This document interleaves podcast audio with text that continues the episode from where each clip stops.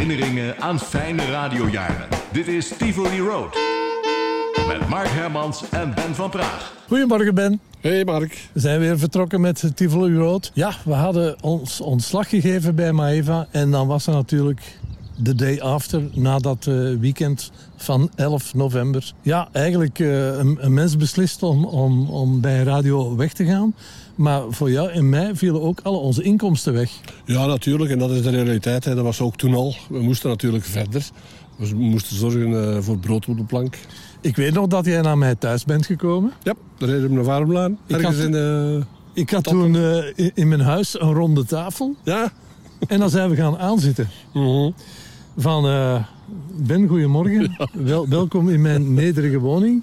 We hebben geen werk meer. Ja, dat was echt zo van, wat gaan we nu doen? Wat gaan we nu doen? -hmm. Op het einde van Maeva, dat moeten we nog vertellen, was er ook al een samenwerking tussen Maeva en Radio Kardinaal in Heist op den Berg. Heist op den Berg, daar zaten we. Die eigenlijk een kopie waren van Maeva. Alleen maakten wij daar met collega's van Maeva opnames voor, band, ja. uh, programma's op cassette. En dat deden we nog toen we bij Maeva zijn weggegaan. Ja, inderdaad. En dat was ook niet de grote inkomst natuurlijk. Nee.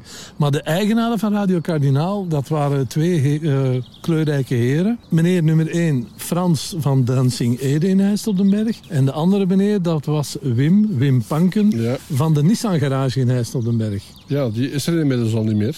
Nee, uh, die zit nu in de eeuwige jachtvelden. Maar die Wim heeft toen aan ons gevraagd... ja jongens, jullie zitten bij ons al op de radio. Wil je niet live komen werken bij ons? Dat was natuurlijk ten eerste een, een, een grote stap. Want we schakelden dan over van bandprogramma's naar liveprogramma's. Voor ons geen probleem, maar dat was wel verder. Moesten wij elke dag... Jij kwam met je auto naar Antwerpen... en dan reden we samen met mijn auto naar Heisteldenberg... naar Garage Panken. Ja. En die had naast dat garage een, een soort van hokje, een schuur. Ja. En in die schuur was een trap naar boven. Ja. En dat was een heel klein hokje. En daar stond een mengpaneel, twee draaitafels en wat van die cassettedeks, een microfoon en een stoel. Ja, pas op, hè. we mochten niet alleen... Uh, de bedoeling was niet alleen live programma maken. Dus 's morgens wekker wachten, 's middags de lunchexpress.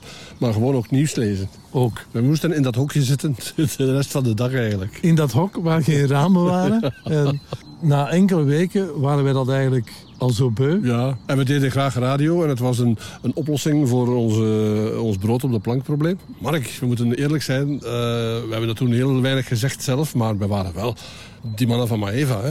Ja. Dan op een bepaald moment waren we het zo beu dat we eigenlijk in dat hok zaten.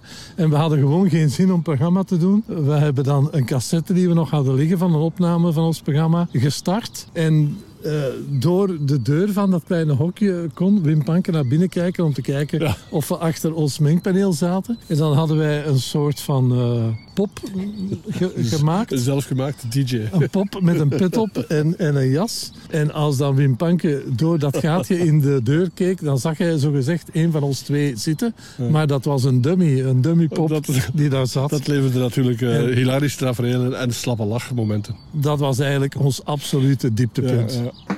Dit is Kardinaal. Laat wat van je horen. Postbus 21 3100 Heist op den Berg.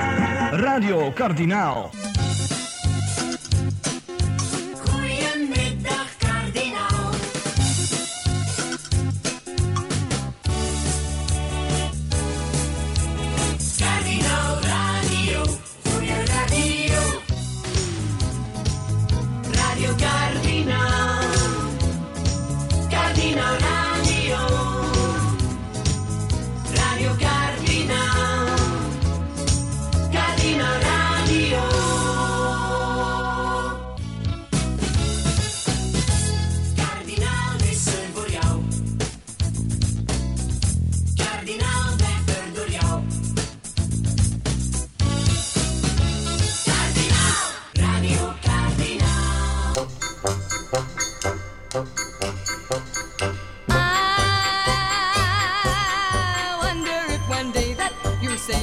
You care. If you say you love me madly, I gladly be there like a puppet on a string.